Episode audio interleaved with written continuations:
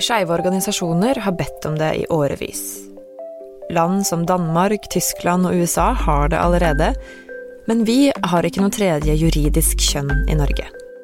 Nå kan vi få det. Du hører på Forklart fra Aftenposten. Jeg heter Anne Lindholm, og i dag er det torsdag 3. februar.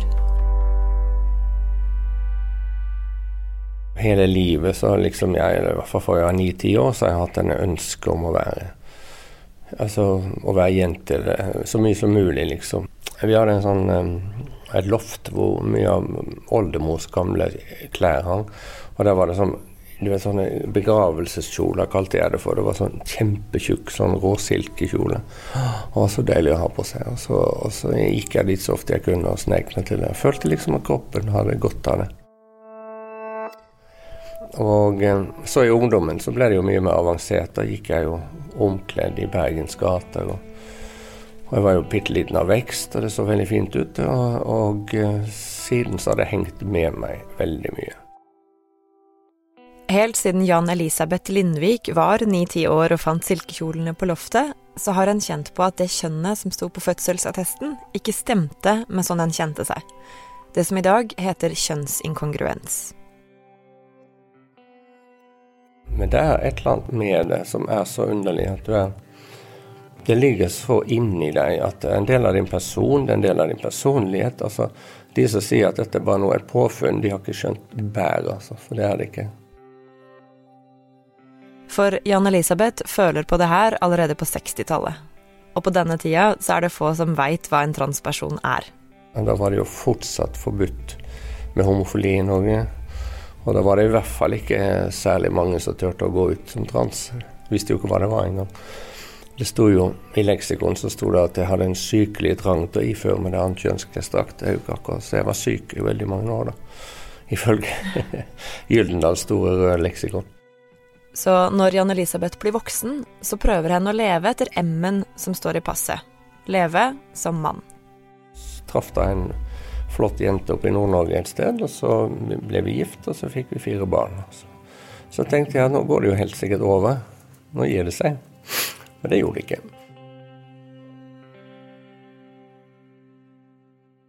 Så, så, så ble vi skilt, ikke på den grunn, ikke pga. det at jeg var trans, liksom, men vi ble nå skilt, og så gifta jeg meg på nytt. Først for tolv år sia, en skilsmisse og et nytt bryllup seinere, så tør Jan Elisabeth å si noe til kona. Men når jeg kom ut på ordentlig for tolv år siden, så, så, gjorde jeg jo det på grundig, på en måte. Da. For da, da Eva, som jeg er gift med, hun sa at ja, du har fortalt det til meg, men du må ikke tro at, du kan, at jeg gidder å ha det sånn, og at vi skal leve med en hemmelighet. Bare kom deg ut og fortell. Begynn med naboene, sa hun. Og da var jeg formann i et sameie i Bærum.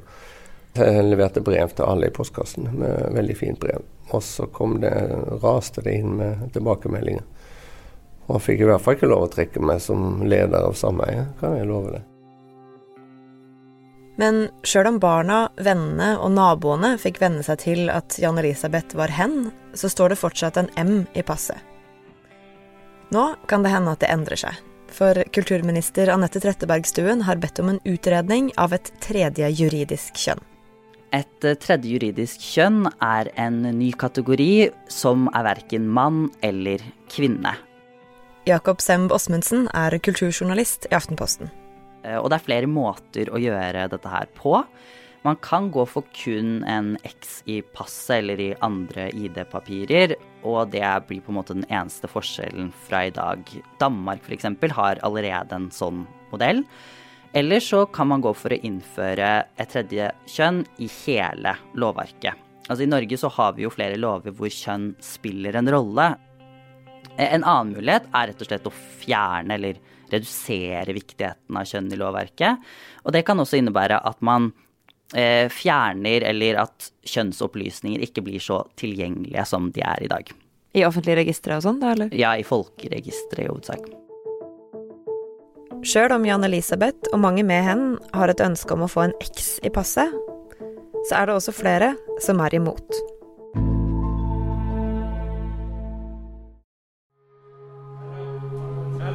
Ellen, what's the plan? Vi mangler noen innganger til å kunne koble oss til monitorene.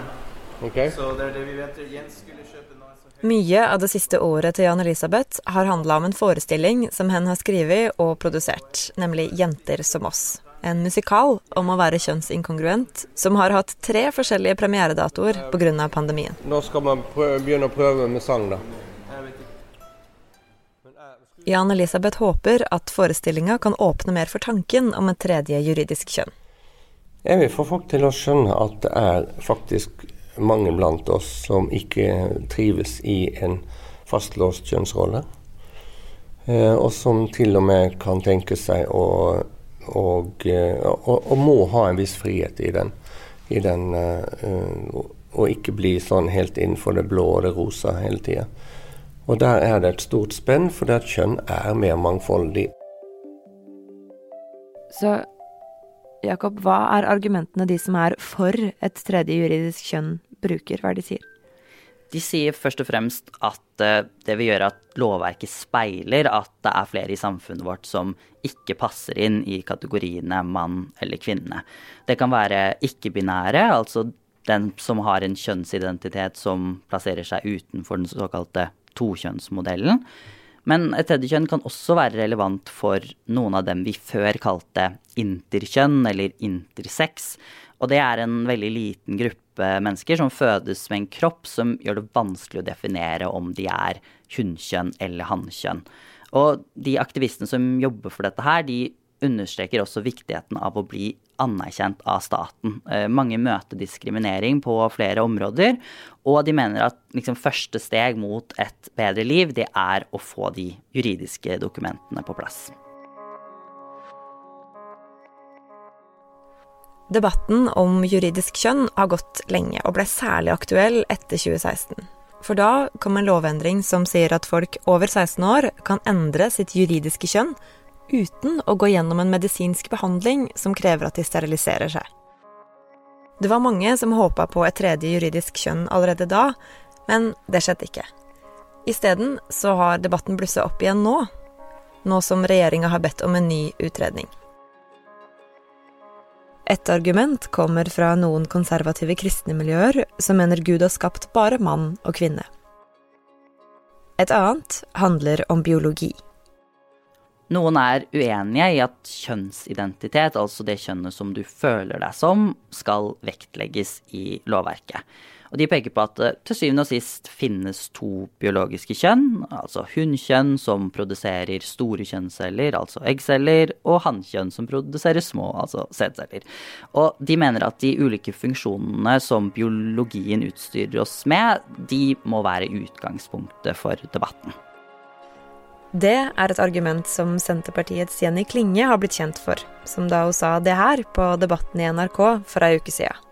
Det er kua som kalver, uansett hva oksen måtte føle seg som.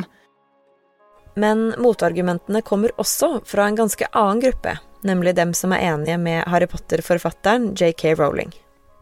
JK Rowling har blitt en slags gallionsfigur for dem som mener at biologisk kjønn er avgjørende i kvinnekampen.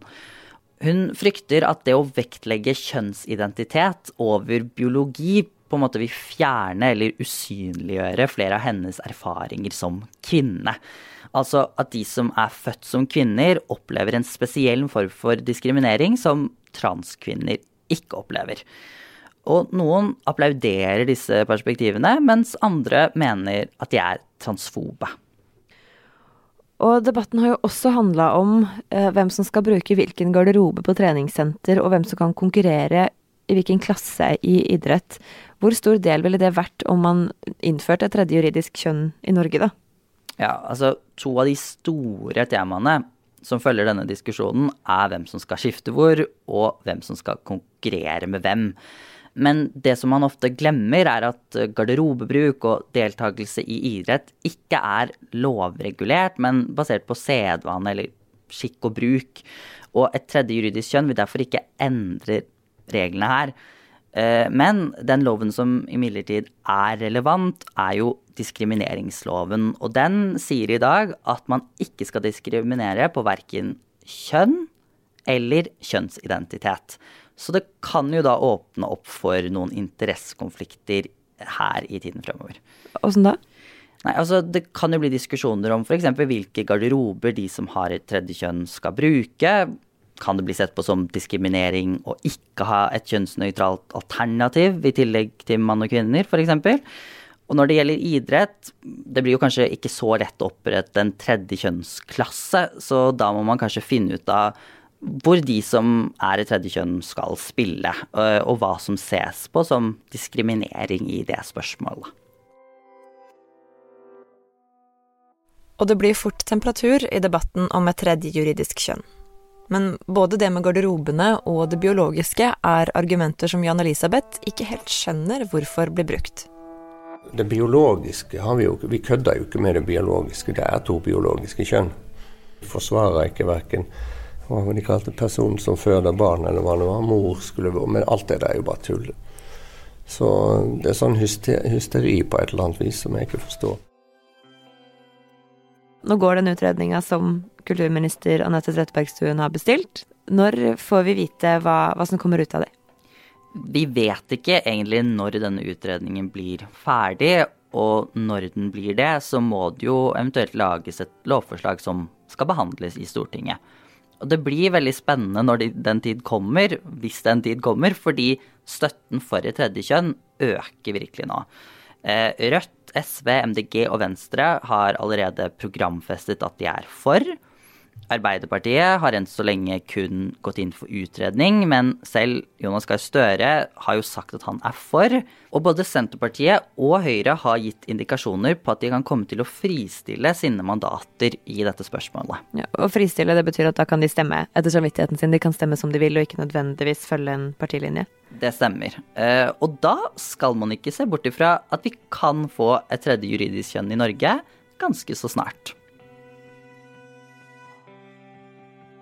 Jeg har funnet meg godt til rette med hvem jeg er, og trives i rollen. Altså i rollen som meg sjøl. Og det er vel ingen bedre ting du kan finne ut i livet enn å, enn å komme overens med hvem du er. Uansett kjønn.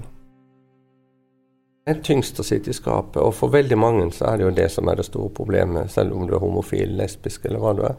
Det er den coming out-prosessen. Den er i alle, nesten alle tilfeller så er den mye lettere enn du tror. Stengslene sitter i hodet ditt, altså. Mye mer enn de stengslene du finner ute. Noe av det som hjalp hen, var at andre kunne gå foran, sånn som legen og sexologiprofessoren Espen Ester Pirelli Benestad. Vi, vi, er jo gode venner i dag, da, men han kunne, hen, mener jeg, kunne jo si veldig mye og sette mange ting på plass. Så hvis det blir et tredje juridisk kjønn i Norge, så vil Jan Elisabeth skaffe seg en X i passet. Sjøl om det i hverdagen og i livet med kona kanskje ikke vil utgjøre den store forskjellen. Vi klarer det med hverandre fordi at vi er eh, Det er jo ikke, det er jo ikke noe fetisjgreie i det at, at, at, jeg kler meg sånn. Det er liksom sånn For meg er det naturlig. Og derfor er det ikke en, det ikke en sånn fetisjlek heller. Så vi, er, vi blander ikke tingene på en måte, da. Sånn, vår nærhet handler ikke om sånne ting. Og det, det, gjør det kanskje litt lettere på mange måter. Men det er klart at vi har jo vi har to bad. og det når vi skal ut noen ganger, så plutselig så kommer hun ut av sitt bad, og jeg kommer ut av mitt, og så har vi tatt samme farge. og går hun inn igjen. og vil ikke.